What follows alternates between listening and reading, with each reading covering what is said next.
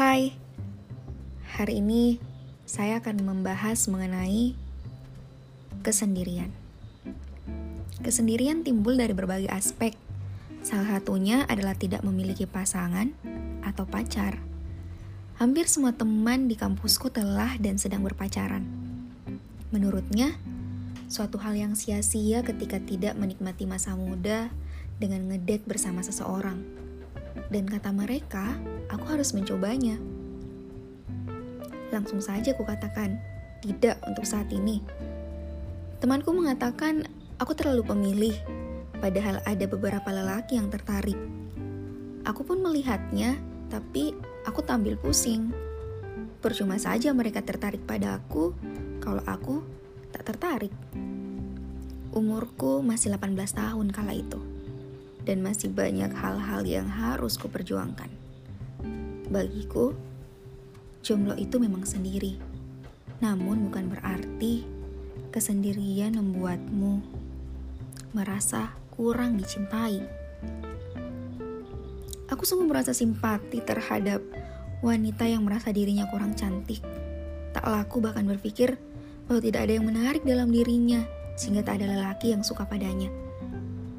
Bukankah kesendirian bisa membuatmu belajar lebih banyak hal dibanding memusatkan perhatian kepada akun sosmed pacarmu atau bahkan memikirkan apa yang dipikirkan doi tentangmu? Kau masih muda dan butuh untuk menaruh perhatian pada objek lain yang lebih besar dari itu.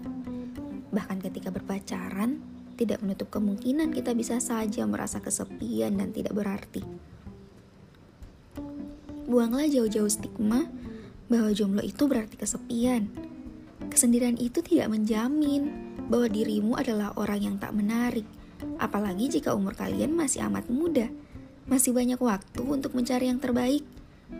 Aku tak pernah mempermasalahkan orang-orang yang berpacaran, tapi jangan biarkan status itu membuatmu jadi tidak produktif.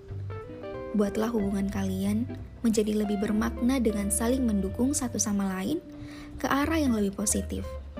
Dan bagi yang masih jomblo, cinta untukmu tidak hanya melulu soal lelaki. Keluarga dan teman yang baik juga adalah cinta. Pantaskanlah dirimu untuk orang-orang yang kau idamkan.